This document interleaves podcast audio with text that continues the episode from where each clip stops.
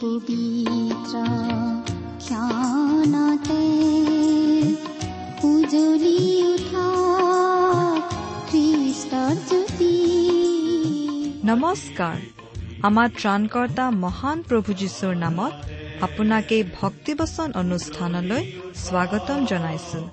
এয়া মুকলি কৰিছো ঈশ্বৰৰ জীৱিত বাক্যৰ ধাৰাবাহিক অনুষ্ঠান ভক্তিবচন। মুখৰিত কৰি গাওঁ সবে মিলি প্ৰশংসা গীতি আজিৰে পবিত্ৰ ক্ষণতে উজলি উঠা আপোনাৰ জীৱনত যদি শান্তি পাব বিচাৰে তেন্তে এয়া ঈশ্বৰৰ বাক্যৰ সান্তনা বাক্য ভক্তি বচন।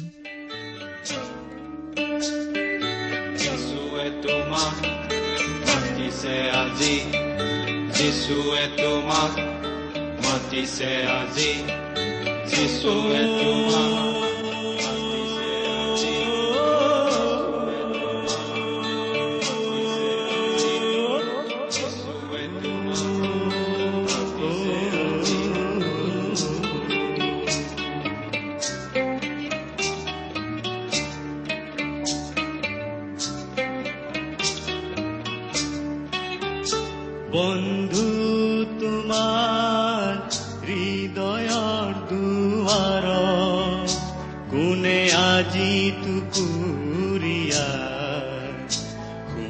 এবাৰ নীৰৱে কাণ পাতি কোনে টুকুৰীয়া কোনে বাৰু টুকুৰীয়া তোমাক মাতিছে আজি। বন্ধুৱে তোমাক মাতিছে আজি। যিশুৱে তোমাক মাতিছে আজি। তোমাৰ জীৱনৰ ৰথৰ চকৰি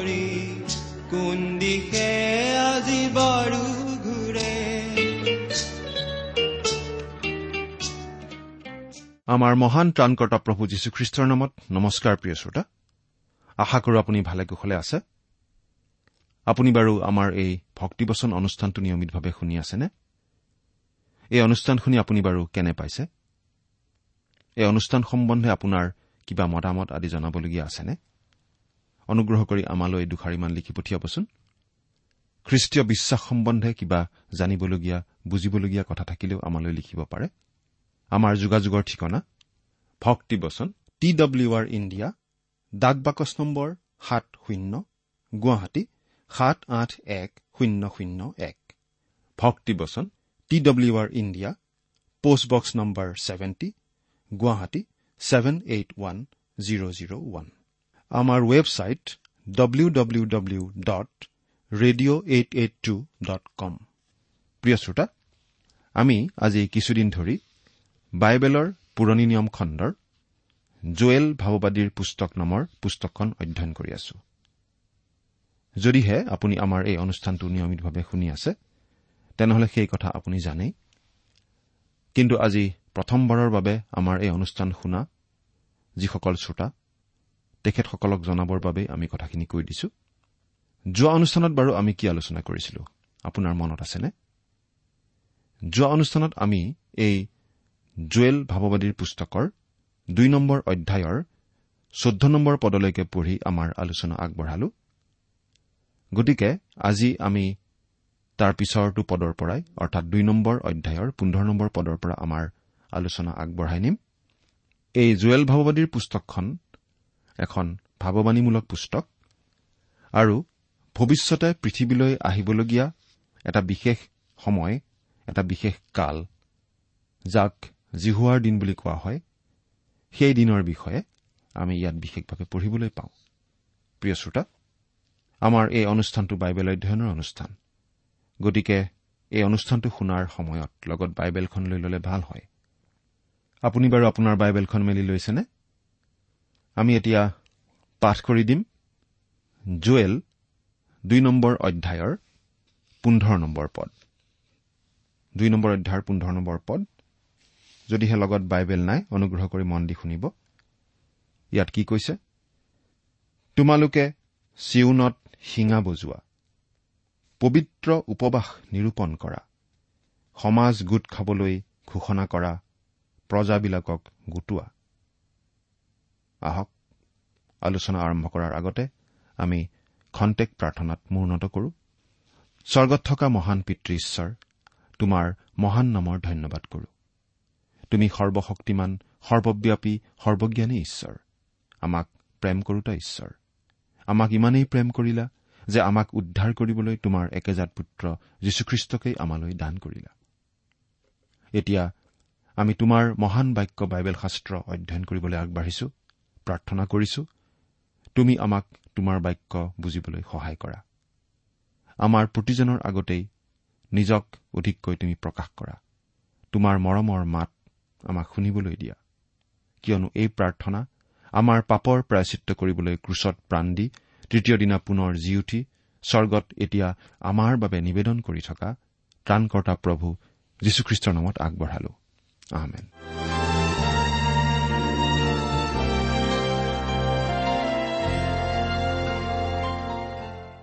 প্ৰিয় শ্ৰোতা এই দুই নম্বৰ অধ্যায়টোৰ আৰম্ভণিতেই আমি পাইছিলো যে ইছৰাইলৰ লোকবিলাকৰ মাজত শিঙা বজোৱা হৈছিল।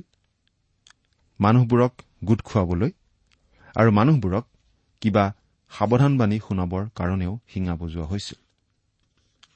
প্ৰথম পদত আমি পাইছিলো যে মানুহবিলাকক বিপদৰ আগজাননী দিবলৈ শিঙা বজোৱা হৈছিল।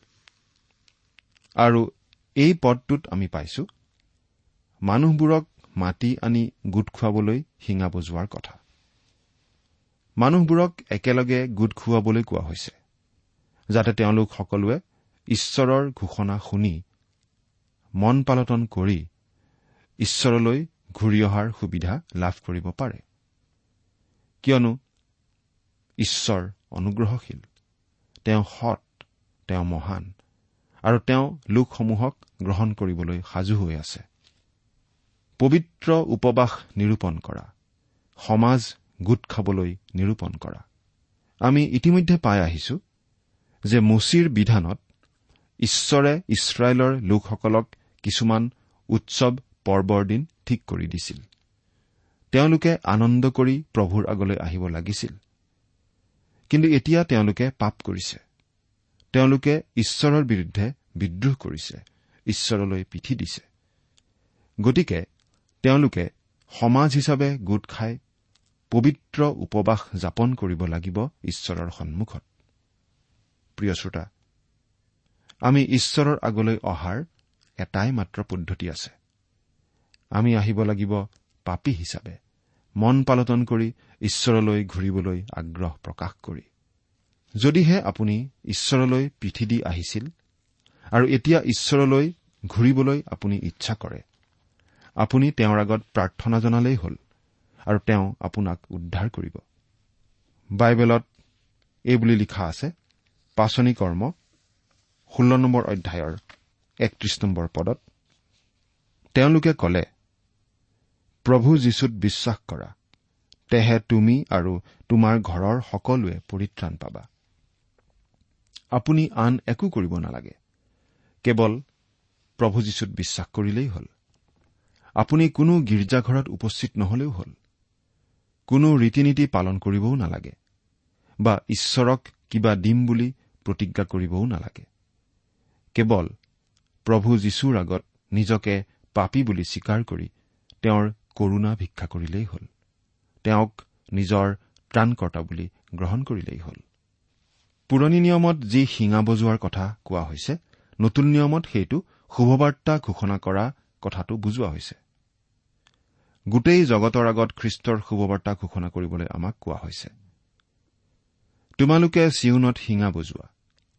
পবিত্ৰ সমাজে গোট খুৱাবলৈ এই আহান যেতিয়া মানুহে খ্ৰীষ্টৰ শুভবাৰ্তালৈ সঁহাৰি দি তেওঁক ত্ৰাণকৰ্তা বুলি গ্ৰহণ কৰে সেইটো এটা অতি পবিত্ৰ মুহূৰ্ত। সেই মুহূৰ্তত মানুহে প্ৰকাশ কৰে যে তেওঁলোকে পাপক পিঠি দি ঈশ্বৰলৈ ঘূৰিছে। এইটো অতি গভীৰ কথা। ইয়াক টুলুঙাভাৱে ল'ব নালাগে। কোনো লোকেই বাৰে বাৰে খ্ৰীষ্টক গ্ৰহণ কৰি থাকিব নালাগে। এবাৰ গ্ৰহণ কৰিলেই হ'ল। আমি এবাৰতেই খ্ৰীষ্টক ত্ৰাণকৰ্তা বুলি গ্ৰহণ কৰি আম্মিকভাৱে নতুন জন্ম লাভ কৰি পৰিত্ৰাণ লাভ কৰো। প্ৰভু যীশুৱেই পিতৃ ঈশ্বৰলৈ যোৱাৰ একমাত্ৰ পথ। তেওঁৱেই দুৱাৰ তেওঁৱেই বাট। প্ৰভু যীশুৱে এই বুলি কৈছিল ময়েই বাট সত্য আৰু জীৱন। মোৰ যোগেদি নগলে কোনো মোৰ পিতৃৰ ওচৰলৈ নাযায়। জোহন চৈধ্য নম্বৰ অধ্যায়ৰ ছয় নম্বৰ পদ। আকৌ তেওঁ নিজকে এই বুলিও কৈছিল জোহন দহ নম্বৰ অধ্যায়ৰ ন নম্বৰ পদত ময়েই দুৱাৰ। মোৰ যোগেদি যিকোনো সোমাই তেওঁ ৰক্ষা পাব আৰু ভিতৰলৈ বাহিৰলৈ অহা যোৱা কৰিব আৰু চৰণি পাব। এতিয়া আমি জুৱেল দুই নম্বৰ অধ্যায়ৰ ষোল্ল নম্বৰ পদটো পঢ়ি দিম। মণ্ডলী পবিত্ৰ কৰা বৃদ্ধবিলাকক একত্ৰ কৰা শিশু আৰু পিয়াহ খোৱাবিলাকক গোটোৱা দৰা নিজৰ কোঠালিৰ পৰা আৰু কন্যা নিজৰ বিয়াৰ তম্বুৰ পৰা ওলাওক। অৰ্থাৎ সকলো লোকেই বাহিৰ ওলাই আহি সমাজ হিচাপে গোট খাব লাগিব। আনকি নতুন দৰা তেওঁৰ কোঠালিৰ পৰা নতুন কইনা তেওঁৰ তম্বুৰ পৰা বাহিৰ ওলাই আহি সমাজত যোগ দিব লাগিব। ইছৰাইলৰ নিয়ম মতে নতুনকৈ বিয়া কৰোৱা ডেকাক আনকি এবছৰৰ বাবে যুদ্ধলৈ যোৱাৰ পৰাও ৰেহাই দিয়া হৈছিল। আৰু আন বহুতো দায়িত্বৰ পৰা নতুন দৰাক ৰেহাই দিয়া হৈছিল। কিন্তু এই বিষয়ত সকলোকে বিচৰা হৈছে। কাকো ৰেহাই দিব খোজা নাই। কাৰণ এইটো অতি গুৰুত্বপূৰ্ণ বিষয়। সকলোৱে মন পালটন কৰি ঈশ্বৰলৈ ঘূৰিব লাগিব। বাৰাণ্ডাৰে যজ্ঞবেদীৰে মাছ ঠাইত জিহুৱাৰ পৰিচাৰক পুৰোহিতবিলাকে ক্ৰদন কৰি কওক হে জিহুৱা তোমাৰ প্ৰজাবিলাকক দয়া কৰা আৰু জাতিবিলাকক তেওঁবিলাকৰ ওপৰত শাসন কৰিবলৈ দি তোমাৰ আধিপত্য ধিক্কাৰৰ বিষয় হবলৈ নিদিবা। সিহঁতৰ ঈশ্বৰ কত এই বুলি জাতিবিলাকৰ মাজত লোকে কিয় কব? পুৰোহিত আৰু পৰিচাৰকসকলে সমগ্ৰ ইছৰাইল জাতিৰ লোকবিলাকৰ কাৰণে ক্ৰদন কৰি প্ৰাৰ্থনা কৰিব লাগিব। তেওঁলোকে প্ৰাৰ্থনা কৰিব লাগিব এনেদৰে। হে জিহুৱা তোমাৰ প্ৰজাবিলাকক দয়া কৰা আৰু জাতিবিলাকক তেওঁবিলাকৰ ওপৰত শাসন কৰিবলৈ দি তোমাৰ আধিপত্য ধিক্কাৰৰ বিষয় হবলৈ নিদিবা। সিহঁতৰ ঈশ্বৰ কত? এই বুলি জাতিবিলাকৰ মাজত লোকে কিয় কব?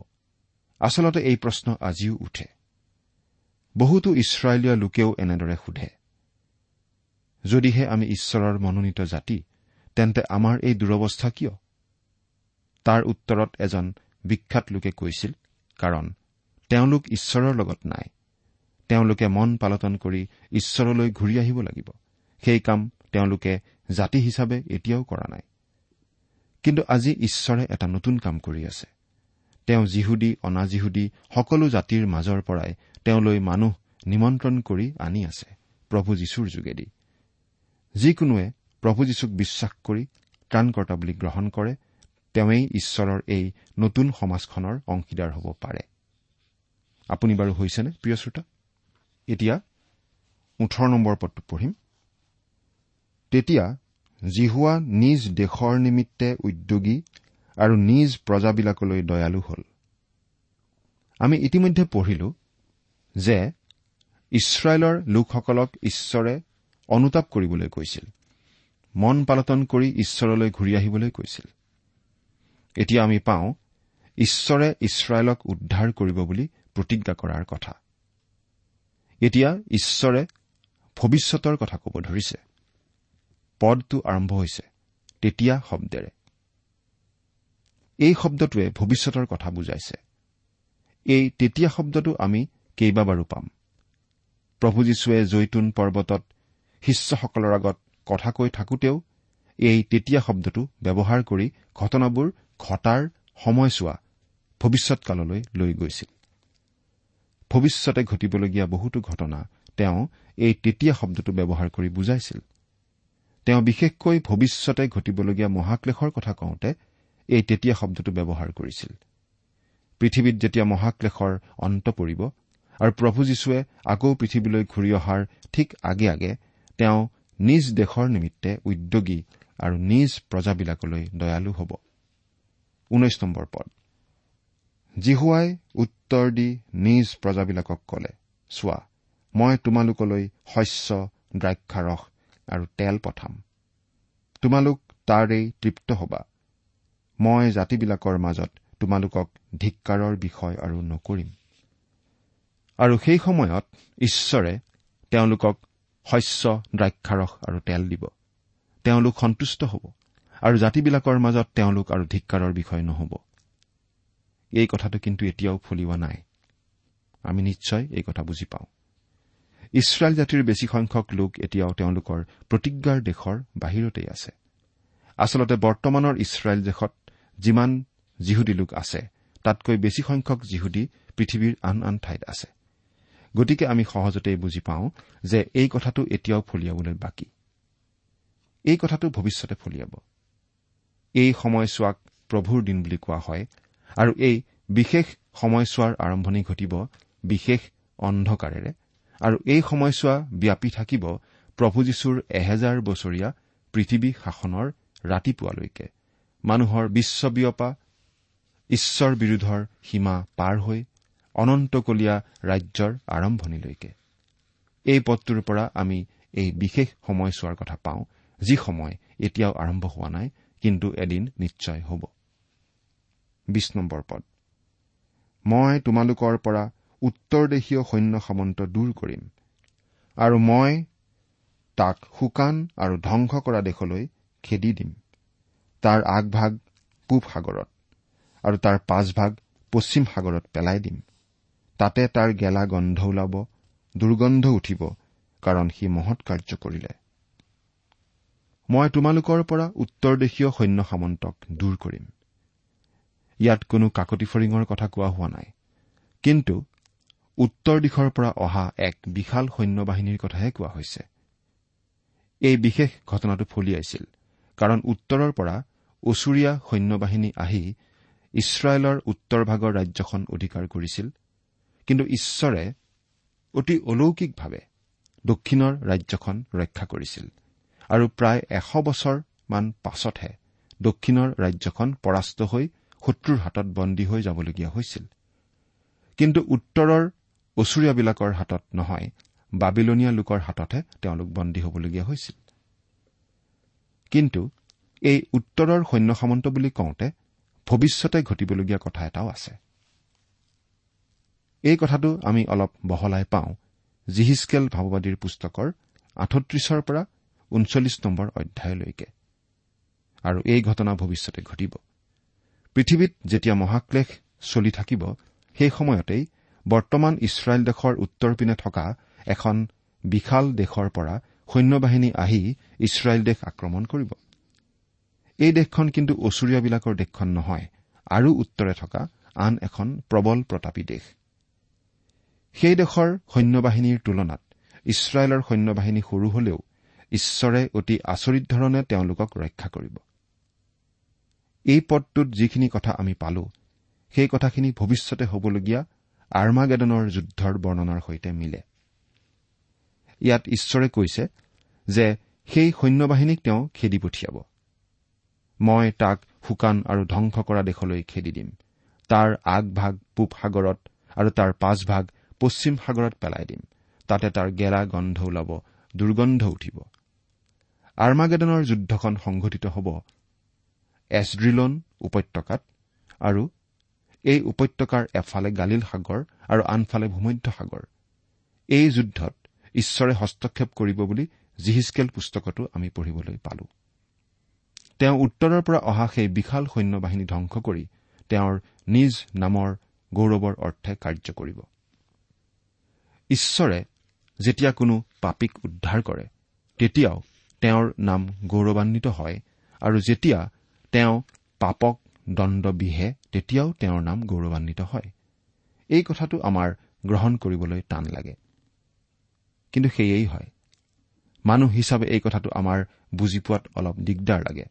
ঈশ্বৰ পবিত্ৰ ঈশ্বৰ ন্যায়বান আৰু ন্যায়বান ঈশ্বৰে বিচাৰ কৰিবই। সকলোবোৰ ভাৱবাদীয়ে সেই কথা কৈ গৈছে। ঈশ্বৰৰ সুধবিচাৰ সম্বন্ধে বহুখিনি কথাই আমি পঢ়িবলৈ পাওঁ। ঈশ্বৰৰ বাক্য বাইবেল শাস্ত্ৰত। কিন্তু ঈশ্বৰে বিচাৰ কৰি দণ্ড দিবলৈ ভাল নাপায়। আমি ইতিমধ্যেই দেখিলো যে তেওঁ অনুগ্ৰহশীল কৰুণাময় আৰু ক্ৰোধত ধীৰ।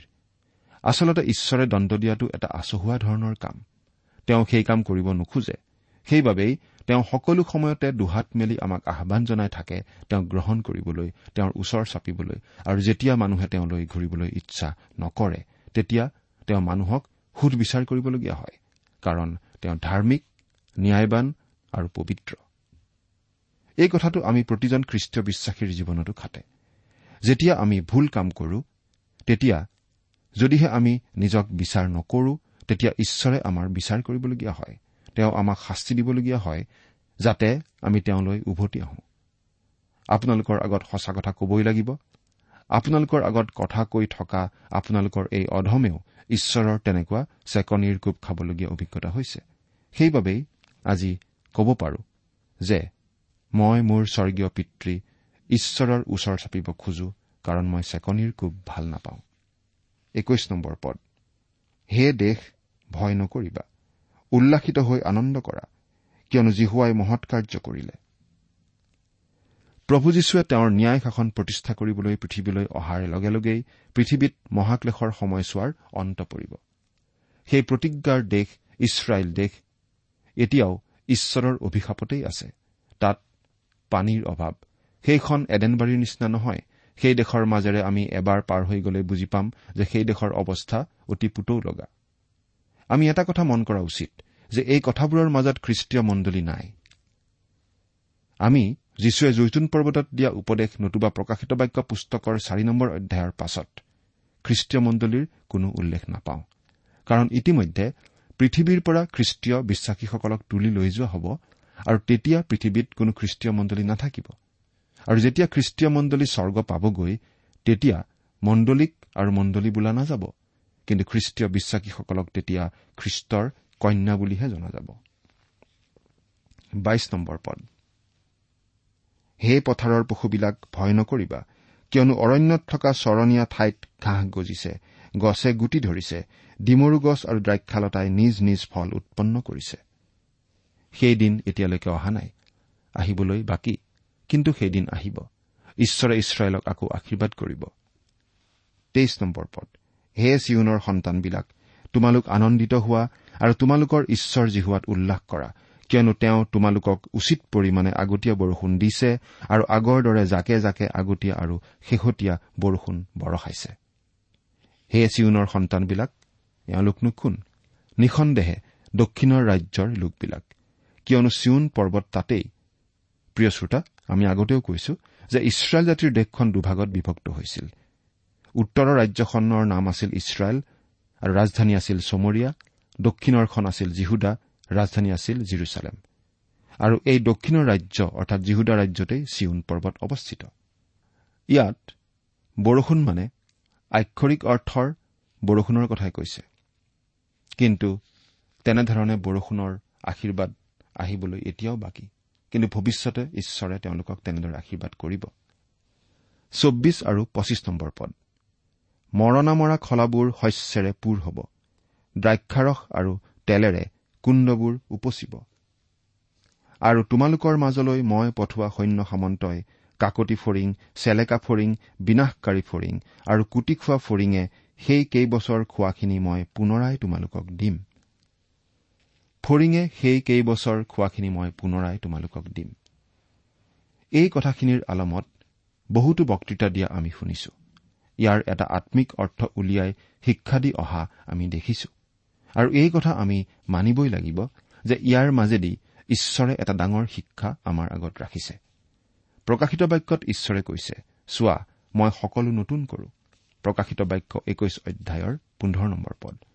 ইয়াত আচলতে নতুন জিৰচালেমৰ কথা কোৱা হৈছে য'ত খ্ৰীষ্টত বিশ্বাস কৰি পৰিত্ৰাণ পোৱা লোকসকলে বাস কৰিবলৈ পাব। আমাৰ চকুলো মচি পেলোৱা হ'ব। এখন নতুন সৃষ্টি তেওঁ কৰিব। আমি খ্ৰীষ্টীয় বিশ্বাসীসকলে তাত থাকিবলৈ পাম। কি সুন্দৰ কথা। প্ৰিয় শ্ৰোতা আপোনাৰ কথা নাজানো কিন্তু মই হলে এই পৃথিৱীত কটোৱা জীৱনক লৈ সম্পূৰ্ণ সন্তুষ্ট নহয়। আমি নিজক সুধি চালে গম পাম যে আমি যেনেকুৱা লোক হোৱা উচিত তেনেকুৱা হ'ব পৰা নাই। আমি বাৰু আৰু অধিক ভাল হবলৈ হাবিয়াস নকৰোনে সেইবাবেই প্ৰকাশিত বাক্যৰ এই পদটো বৰ ভাল পাওঁ। চোৱা মই সকলো নতুন কৰো। সেই নতুন সৃষ্টিখনত আমিও সম্পূৰ্ণ সুখী হ'ব পাৰিম। ৰোগ ব্যাধি দুখ কষ্ট নাথাকিব। এই পৃথিৱীত এই জীৱনত আমি যিখিনি হাবিয়াস কৰিও পোৱা নাই সেই সকলোখিনি তেওঁ আমাক দিব। ফৰিঙে কুটি খোৱা কেইবছৰ মই তোমালোকক পুনৰাই দিম। প্ৰিয় শ্ৰোতা প্ৰভু যীশুৰ বিশ্বাসী হিচাপে আমি এই জীৱনত যদি কিবা ত্যাগ কৰিব লগা হৈছে সেই সকলোখিনি ঈশ্বৰে আমাক পুনৰাই দিব। এই কথাটোৱে আমাৰ মনত সাহস নিদিয়েনে বাৰু? ঈশ্বৰে আপোনাক আশীৰ্বাদ কৰক। তোমাৰ জীৱনৰ ৰথৰ চকুৰি কোন দিশে আজি বাৰু ঘূৰে? ইমান পৰে আপুনি ভক্তিবচন অনুষ্ঠানটি শুনিলে। অনুষ্ঠানটি শুনি কেনে পালে? আমালৈ চিঠি লিখি জনাবচোন। অনুষ্ঠানত প্ৰচাৰ কৰা কোনো কথা বুজিব লগা থাকিলেও আমালৈ লিখক। আমাৰ ঠিকনা ভক্তিবচন টি ডাব্লিউ আৰ ইণ্ডিয়া ডাক পাকচ নম্বৰ সাত শূন্য গুৱাহাটী সাত আঠ এক শূন্য শূন্য এক। ঠিকনাটো আৰু এবাৰ কৈছো। ভক্তিবচন টি ডাব্লিউ আৰ ইণ্ডিয়া ডাক পাকচ নম্বৰ সাত শূন্য গুৱাহাটী সাত আঠ এক শূন্য শূন্য এক। আপুনি ইমেইল যোগেৰেও আমাৰ সৈতে যোগাযোগ কৰিব পাৰে। আমাৰ ইমেইল আইডিটো হৈছে Assamese T TV at radio' eight eight two dot com. আইডিটো আকৌ এবাৰ কৈছো। Assamese T TV at radio' eight eight two dot com. আপুনি টেলিফোনৰ মাধ্যমেৰেও আমাক যোগাযোগ কৰিব পাৰে। আমাৰ টেলিফোন নম্বৰটো হৈছে শূন্য তিনি ছয় এক দুই ছয় শূন্য চাৰি ছয় সাত এক। ফোন নম্বৰটো আকৌ এবাৰ কৈছো zero' three six one two six zero' four six seven one. আজিৰ অনুষ্ঠানটি ইমানতে সামৰিছো। ঈশ্বৰৰ শান্তি আৰু অনুগ্ৰহ আপোনাৰ লগত থাকক। ধন্যবাদ। যিচুৱে মাতিছে আজি। এবাৰ থমকি ৰৈ নীৰৱে শুনা যিচুৱে মাতিছে আজি। বন্ধু তোমাৰ হৃদয়ৰ দুৱাৰ কোনে আজি টুকুৰিয়াই শুনা এবাৰ নীৰৱে কাণ পাতি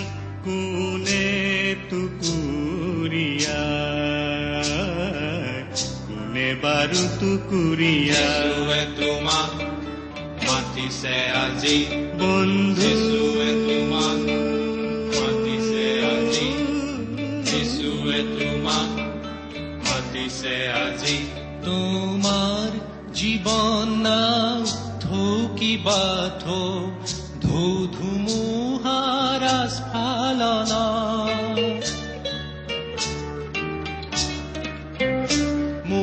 কৰি কৰি হৃদয় দুৱাৰ যদিহে যিচুক আহ্বান কৰা নিশ্চয় যিচুক কৰিব প্ৰৱেশ আজিয়ে পৰিত্ৰাণ পাবা। বন্ধু তোমাৰ হৃদয়